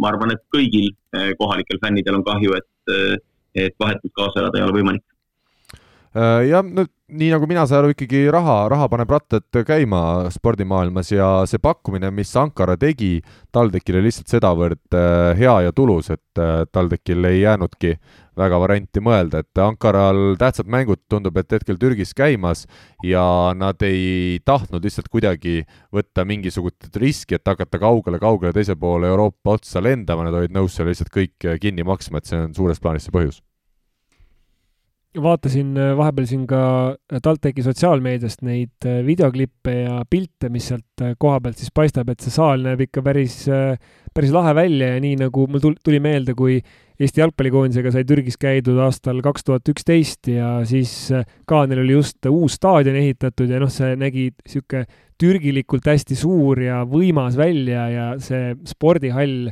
vähemalt need pildid, mis seal TalTechi sotsiaalmeedias olid, need meenutasid väga seda, äh, noh, Türgi on selline suursugune igas mõttes. väga huvitavad kellaajad, esimene mäng siis kolmapäeval, mil meie saade üles läheb, kell kuusteist kolmkümmend Eesti aja järgi ja teine mäng, head võrkpallisõbrad, neljapäeval tööpäev peab läbi saama hiljemalt kolmteist kolmkümmend, siis jõuate ilusti koju, võib-olla poest läbi ka, söök, söök-jook kaasa ja neliteist null null siis neljapäeval hakkab euromäng, veerandfinaali korduskohtumine, mis eeldatavasti peaks siis olema see otsustav koht, kus edasipääseja ka selgub. samas, Timo, sinul kindlasti kahe trenni vahel on sel hetkel vaba aeg, nii et sulle sobib, ma eeldan? Sobib, sobib. Alar, sinul on kahe trenni vahel aeg, kindlasti sobib see aeg? enam-vähem peaks isegi klappima ja, ja Miikel, sina paned sobima, me sinuga paneme sobima need ajad, jah? no peab vaatama, tegelikult on mingid äh, koosolekud, nii et mulle pigem ei sobi just need ajad, et ma siin just vaatasin, et äh, kõik on, kõik on, ma pean järgi vaatama siis ilmselt. Äh, huvitav on see, et mida ma nüüd Võrkpalliliidust aru saanud, et pannakse kaks telefoni, üks otsa peale, teine külje peale, kui nüüd see info peab paika, mida, millest mina aru sain, ja üritab siis Taavi Lüütsepp Baltic Broadcasting ust Tallinnas saada ühenduse mõlema selle siis telefoniga ja luua seeläbi Tallinnas ülekanne, kust on võimalik siis ka tänu nende telefoniga filmitavate piltide kaudu saada ka kordused ja vaatame siis, kas õnnestub ka seda mängu kommenteerida, igatahes väga huvitav olukord. Äh, see Eesti võrkpallimaailm on selline väike ja, ja samas väga vägev ja, ja sitke, et ikkagi üritatakse igalt poolt ülekandeid teha ja tundub, et saadi siis ka selle kohaliku tele- või, või, või mänguülekande õigusi pakkuva firmaga kokkuleppele, et et seekord sellist ülekannet äh, tohib teha ja loodetavasti siis Eesti võrkpallisõppedeni see äh, jõuab, need kaks äh, mängu. Alar, milline on Ankara Halkbanki võistkond, me tegelikult enne saadet sinuga natukene rääkisime ka, me oleme seda võistkonda vaadanud ja kui me vaatame seda võistkonna nimekirja, siis seal ei ole tegelikult maailma selliseid üliteravasse tippu kuuluvaid mängijaid, pigem on selline ühtlaselt hea koosseis kokku saadud. jah, selline päris üllatav Eh, on olukord, kus nad nii selgelt domineerivad Türgi liigat, kus nad on järjest ja järjest võite noppinud korralike ja väga hästi komplekteeritud vastaste vastu. ja tõesti, kui mõelda välismängijate peale, võib-olla kõige nimekam siis Kanada temporündaja Vigras, aga Kuuba diagonaalründaja, Argentiina nurgaründaja, kaks siis eh, Türgi koosseisu, koondise põhikoosseisu meest ehk siis temporündaja Karasu ja ja üks nurgameestest siis on eh, Jigit, et noh, ei ole säravaid nimesid, aga tundub, et on hästi komplekteeritud ja enamik nendest välismängijatest, välja arvatud siis serblased teine diagonaal, on ka kõik juba veidi üle kolmekümne ehk siis kogenud mehed. Ja ma julgen arvata, et eh, sellesama kogemuse, kindluse, rahu, stabiilsuse tõttu nad nii hästi mänginud ongi mm.. kas äh, TalTechil võib tekkida sellise vastase vastu mingisugune võimalus või sa pead seda tasemevahet ikkagi täna liiga suureks? väga keeruline öelda, millal mõni Eesti klubi üldse Türgi klubi vastu mängis.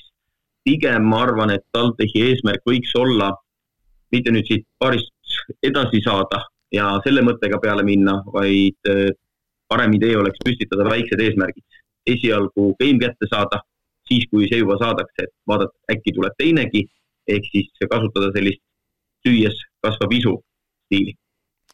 selge, igatahes jääme huviga vaatama ja, ja jälgima siis neid mänge kui TalTech ei peaks poolfinaali pääsema, siis need ongi Eesti klubivõrkpalli selle hooaja viimased euromängud, aga kui sünnib suur ime ja ja kes teab, tänasel päeval võib-olla võib ikka juhtuda seda, et mängupäeva hommikul annavad pooled Türgi klubi mängijad positiivse koroonaproovi, läheb hoopis teise võistkonnaga meeskond äh, vastu sellele mängule ja, ja on jälle kõik võimalik, nii et täna ma ei julge küll enam Eh, enam sellises olukorras öelda, et, eh, et miski võiks olla võimatu, vaatame ja eks elu näitab, kuidas need mängud siis välja kujunevad, aga saate lõppu räägime siis natukene treenerite teemadel.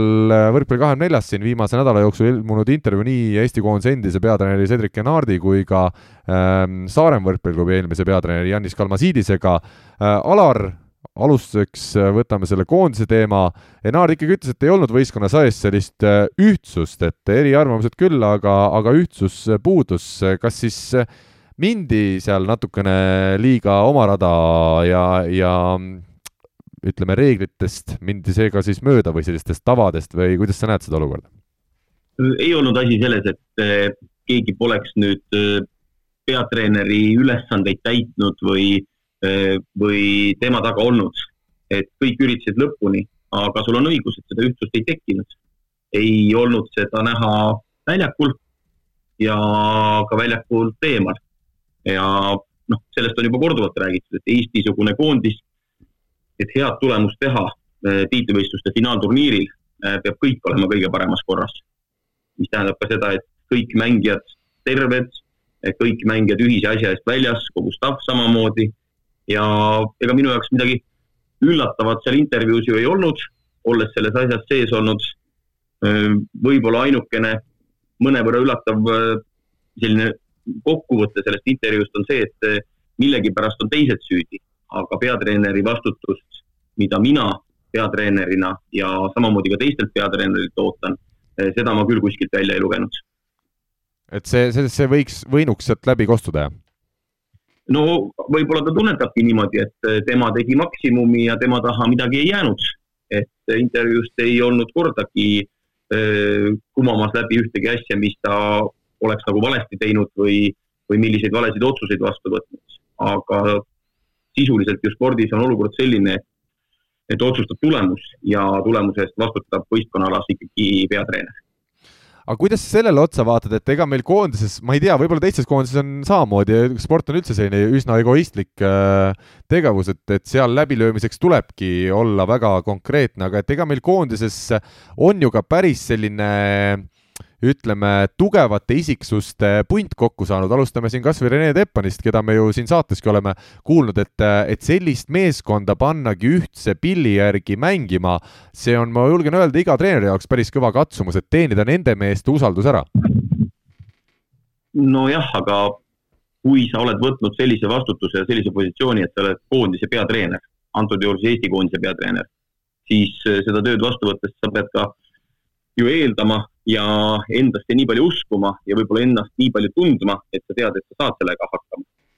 ja mina olen töötanud Aavo keelega koos Eesti koondise juures üheksa aastat, Gianni Gretuga kuus aastat. eks aeg-ajalt on nende aegade jooksul ka lahkhelisid olnud, on ebaõnnestumisi olnud ja korduvalt on ka peatreenerid enda möödalaskmiste otsa vaadanud ja ka avalikult tunnistanud, et eh, panid ühe või teise asjaga puusse aga kas seda, ma lihtsalt oponeerin sulle sellepärast, et eh, saade oleks huvitav, mitte et ma kõigega, mis sa räägid, nõus ei oleks. aga, aga kas seda ikkagi arvesse võtma peaks või saaks, et, et me mängisime EM-finaalturniiri, nagu Enart ka ütleb, oma parima mängija Robert Tähete ja oma võistkonna liidri Gert Toobalit ja, ja noh, me teame, paar meest seal said veel vigastada, et see olukord oligi väga keeruline nojah, aga eks see olukord ise mängiti ju keeruliseks. kui mina, muidugi ma ei oleks seda tööd vastu võtnud ja võib-olla ei oleks absoluutselt hakkama saanud, aga kui mina oleks kaks aastat tagasi olnud Eesti koondise peatreeneri rollis ja ma tean, et mul on ees kuupäev esimene september kaks tuhat kakskümmend üks, mul on isegi kellaaeg teada, millal see mäng toimub, ma tean, et Eesti mängib Lätiga, see on äraütlemata oluline mäng eh, kogu eh, edasist EM-finaalturniiri silmas pidades, siis kahe aasta jooksul oleks eh, need plaanid, tegevused, eh, mängijate eh, laagrites hoidmine, puhkuserutiin, väljakule saatmine, kõik teeninud seda hüve, et esimesel septembril kaks tuhat kakskümmend üks oleks see meeskond parimas revistuses. selge, aga läheme siit äh, põhimõtteliselt sama teema pealt äh, edasi. Janis Kalmasiidis, kellega siis intervjuu teisipäeva hommikul on avaldatud, ütles, et oleks Võrkpalliliit temaga ühendust võtnud, oleks ta ilmselt jah sõna öelnud. kas Alar, sina arvad, et Eesti Võrkpalliliit tegi õigesti, et võttis Fabio Sooli ja ei uurinud maad Janis Kalmasiidise kohta, kes Eesti võrkpalli tänu eelmisel ja üle-eelmisel hooajal Saaremaal veedetud ajale teadis ju tegelikult väga hästi ja mulle tundub, et ikkagi jättis ka väga sümpaatse mulje siinsetele võrkpalliinimestele. Kalmasiidis jättis ka mulle ääretult sümpaatse mulje, et kuigi siin vahepeal meedias äh, tekitati mingisugune rivaliteet meie vahel või midagi, siis tegelikult oli tegemist ikkagi äraütlematu sümpaatse inimesega ja väga hea treeneriga. et see, millist tööd ta tegi Saaremaal, millistes tingimustes, kui me räägime eelmise hooaja lõppu ja tõsiseid finantsprobleeme, kui pühendunult ja teiselt poolt, kuna noh, Saaremaaga ikkagi tuli päris palju mängida, siis ma nägin ka ju seda, mis platsil toimub.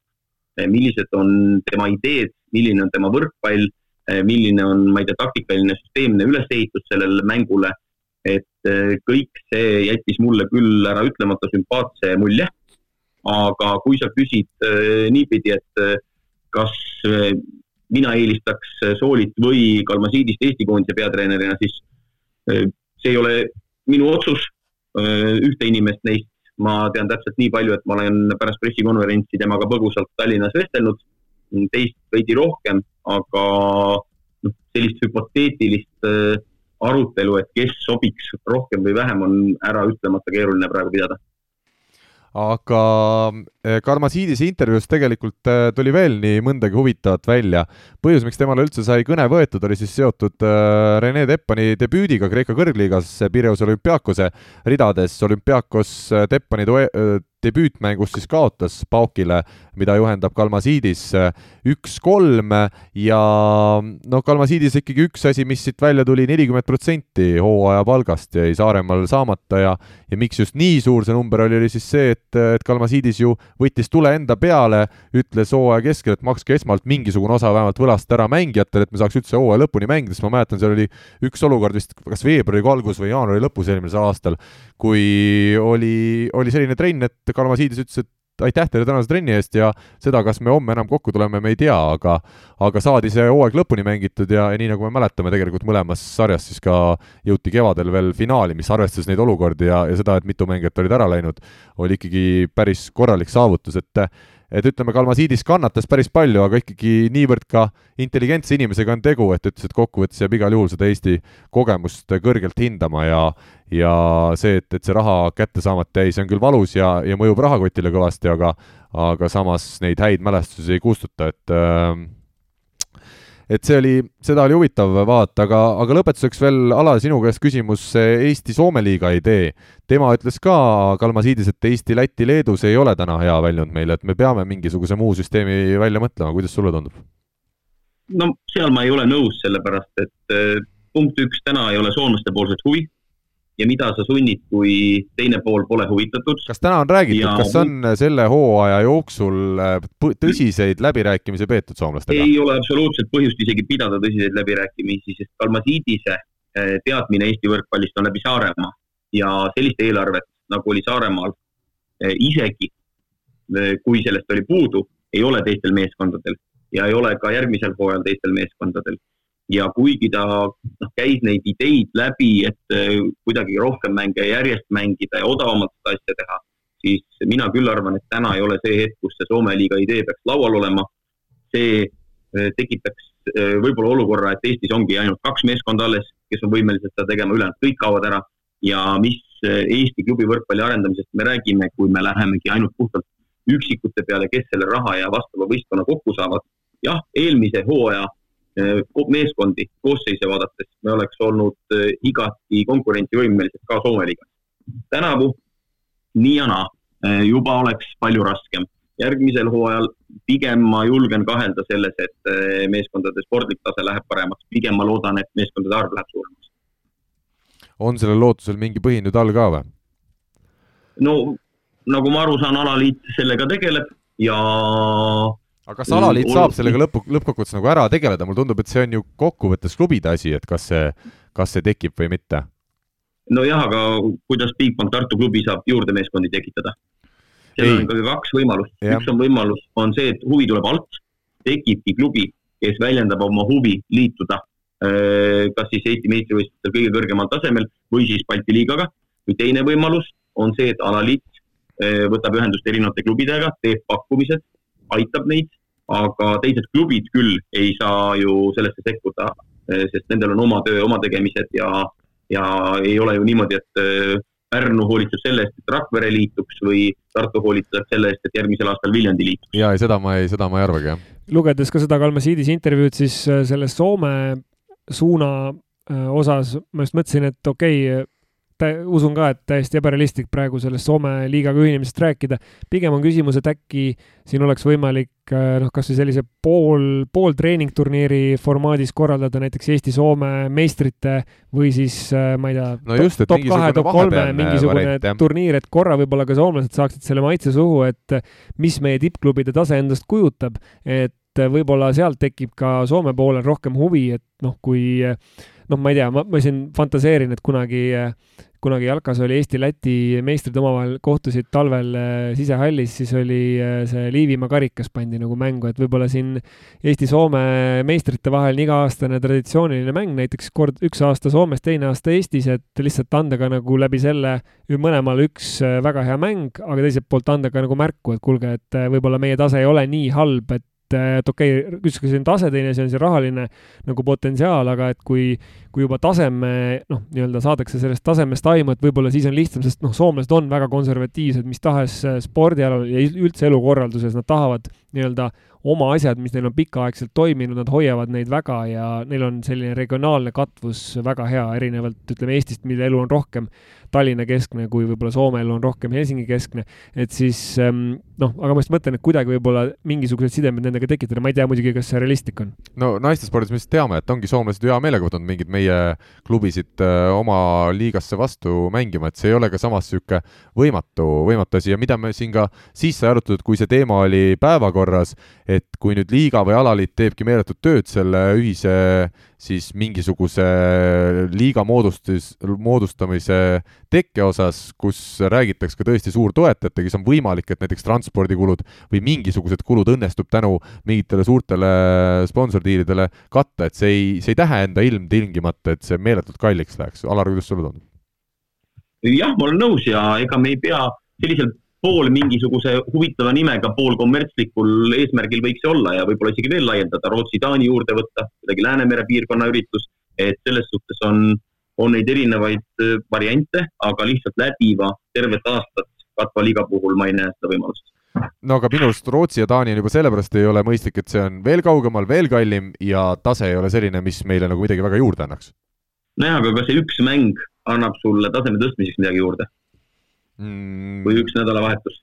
pigem on ikkagi, lugesin sellest Mihkli teest ka välja rohkem sellist show elementi mm.. nojah, show või, või selline noh, jah, eks see on ettevalmistav turniir, et ma ei kujutaks ilmselt ette, et äh, ma ei tea muidugi nii hästi neid äh, hooaegade planeerimisi, et ilmselt hooaja sisse seda pole nagu noh, võib-olla realistlik, et võib-olla hooaja ette on äh, nii-öelda noh, ma ei tea, nagu mängitakse sellist nii-öelda superkarika formaati tihtipeale, et et võib-olla seal oleks realistlik sihuke nelja meeskonna turniir või midagi taolist, et noh, niikuinii neid ettevalmistusturniire ju otsitakse ja, ja seal on võib-olla noh, sõltub, mis, mis ajal ka hooajad algavad, et see peaks tähendama, et enam-vähem sünkroonis peaks need algama. Igatahes, äh, Alar, sulle lõpetuseks küsimus, kas äh, need täna need Läti ja Leedu klubid ikkagi, või ütleme, Leedu klubi, me ei saa siin Leedus ka mitmusest isegi rääkida, kas need pakuvad treenerile ja, ja võistkonnale piisavat sellist äh, äh pinget äh, täna seal mängimas käia?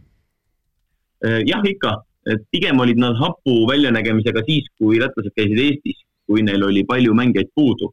aga kui meie sõitsime Lätti, oli pusimist omajagu rohkem ja noh, mulle treenerina hea oli see, et annab võimaluse kasutada erinevaid koosseise ja võib-olla katsetada erinevaid viise, et ei peaks ühe kuuikuga hooaja algusest lõpuni mängima.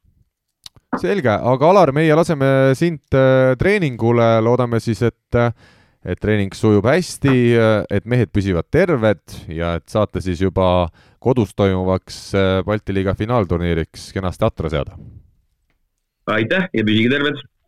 aga meie võtame siit siis veel, Timo, sinule sama küsimuse nagu Alariga sai lõpetatud, ehk siis äh, kuidas sinul kui mängijal on täna minna Lätti või Leetu mängima, et äh, võimalik, et ju teeme siin täitsa liiga, kui ütleme, et Läti, Leedu üldse ei paku enam midagi, et vaatame siin kas või Selveri viimaseid mänge, jah, teil olid küll paljud mehed ka puudu, aga kaks kaotust tuli, et ei saa öelda, et nad üldse ka vastu ei saaks. Ei, nad saavad väga hästi vastu, et äh, kui mingitel tiimidel on mingid mängijad veel puudu, et siis äh,, siis neil on täitsa võiduvõimalus, et äh, see, et nad täielikud outsiderid on, see on minu arust absurdne jutt, et äh, alati tulevad ju kõik tiimid sada protsenti ennast andma väljakule ja see, mis see lõpptulemus on, see, see oleneb nii paljudest, nii paljudest äh, asjadest, et äh, seda ei tea kunagi. Mihkel, sinu arvamus, ka praegune süsteem siis pigem on see, mis tundub jätkuvat ka järgmisel hooajal ja, ja peaks rahuldama?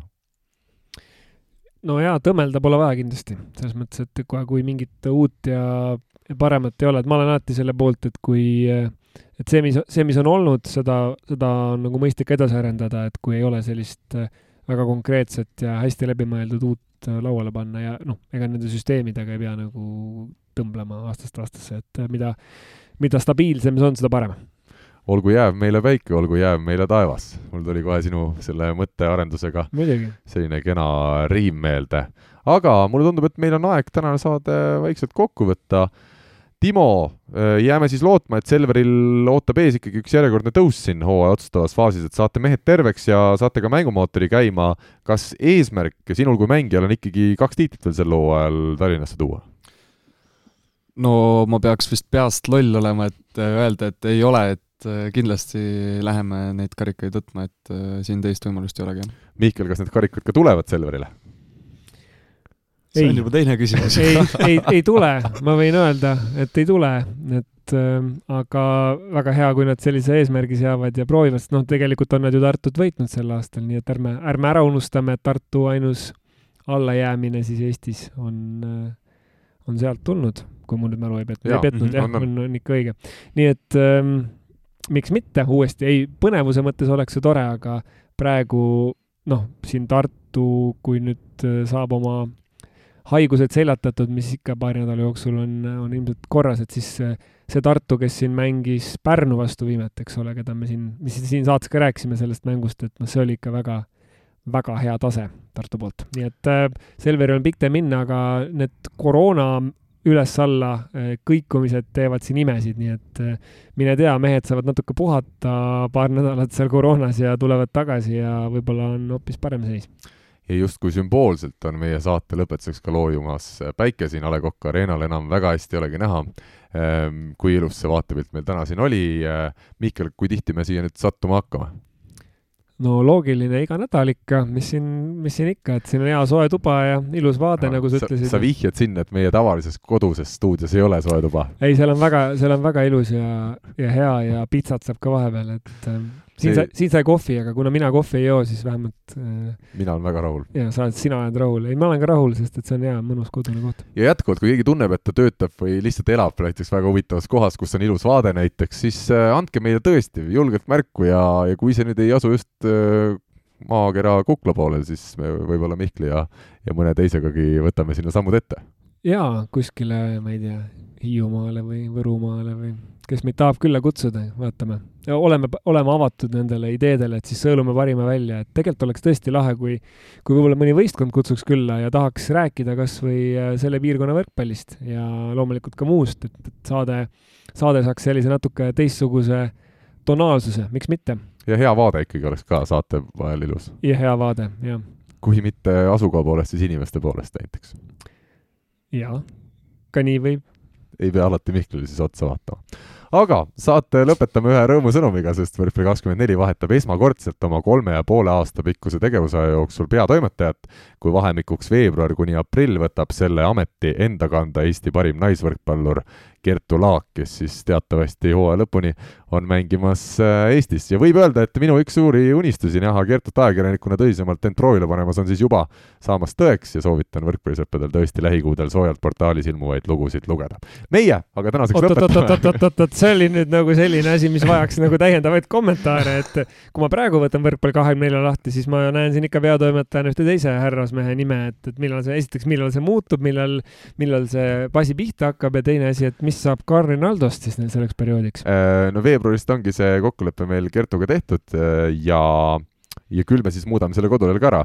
mina juba siin mõnda aega olen tegelenud äh, ütleme, muude võrkpalliga seotud ettevõtmistega, millest saab loodetavasti ka portaali kodulehe vahendusel siis äh, no ütleme, lähikuudel rääkida. oota, aga kas siis nii ei ole, et seda podcast'i veab ka nagu Võrkpalli24 peatoimetaja, et, et tema määrab äh, igaks nädalaks Aa, okay. Äh, saatejuhid, ma ei oska öelda, kes siin nädala sa oled, sa oled nagu määranud iseennast senimaani kogu aeg? seni on, on olnud üksmeel okay. peatoimetaja ja saatejuhi vahel. olen põnevil, esitan kindlasti Kertule omad ettepanekud, kes siin võiks olla saatejuhi rollis, aga ei ole sugugi välistatud, ei ole sugugi välistatud, et sinu unistused täituvad. et järgmine kord tuleb Kertu siia oma selle, sellesama tehnikakasti no kui peatoimetaja nii soovib ja, ja sina ka, siis ega kes olen mina, et midagi öelda? ei, vaata, see on, see on kõige paremas mõttes, kui tihtipeale räägitakse seda, kasutatakse seda väljendit ainult Eestis kuidagi niisuguses nagu halvas või naeruvääristavas ähm, tähenduses, siis mina kasutan seda väga positiivses tähenduses, et see on ainult Eestis, kus äh, parim naisvõrkpallur on ka kõige suurema võrkpalliportaali peatoimetaja ja nagu see on kompliment, ma arvan, Kertule, sest et ta ta oskab hästi kirjutada, ta tunneb ala ja noh, ma olen neid ju tema pikemaid intervjuusid ka lugenud, et et miks mitte, väga-väga tihti on ju see, kus tippsportlased saavadki ajakirjanikeks, ekspertideks ja võtavad selle, selle rolli üle, et siin ei ole midagi sellist, mida, mida häbeneda, et tippsportlane ei tohiks sellist asja teha, et loomulikult on võib-olla kummaline, kui ta koondise mängijana nagu paralleelselt seda teeb, aga praegu arvestades tema olukorda, siis eh, et ta tuli tagasi Eestisse ja ei ole täna profimängija, siis miks mitte. ja Kertu, ma tean, et sa kuulad meid, loodetavasti siis äh, reporter Rinaldol on need ka ikkagi mõned lood nädalas äh, valmistada, et, et hoida, hoida sulge kenasti soojana jaa, ja siin, kui noh, võib-olla uus peatoimetaja teeb ka selles mõttes revolutsiooni, et äkki võrkpall vallandab või? et äkki võrkpall kakskümmend neli tahab endale korralikud kontoriruumid, et siin A Le Coq Arena'l on täiesti võimalik, et äh, siin on meil Jäähokiliit näiteks, lisaks Jalgpalliliidule, siin on SOS Lasteküla, on äh, oma pea, oma peakontoriga. me lähme siin... kohe vaatame neid. me lähme kui vaatame. ma saan peatoimetajalt äh, loa. jaa, kontoriruume, me võime kohe minna vaatama, siin on natukene veel üksikud vabad äh, ruumid äh,. väga hästi sa oskad müüa, tegelikult on kindlasti terve salatüüa, ei ole kedagi, kes oh, ei, seal on äh, üks, üks väike koht on spetsiaalselt äkki teile just mm,. väga ilus, meil on tõesti aeg nüüd lõpetada, sest, äh, sest siin on, tundub, et uued väljakutsed juba meid kohe ees ootamas. Timo, suur aitäh sulle! Mihkel, suur aitäh sulle ja loomulikult kõige suurema tänu me ütleme oma kuulajatele, ilma kelleta meid, äh, meid taas kord eetris oleks olnud. kohtumiseni siis kuldse geimi raames juba järgmisel nädalal, aga seda, kellega ja millises stiilis ja milliste naljadega, näitab juba aeg. otsustab Kertu Laak. olge tublid, head päeva jätku! Eesti kõige põnevamad podcastid on Delfis, kuula tasku.delfi.ee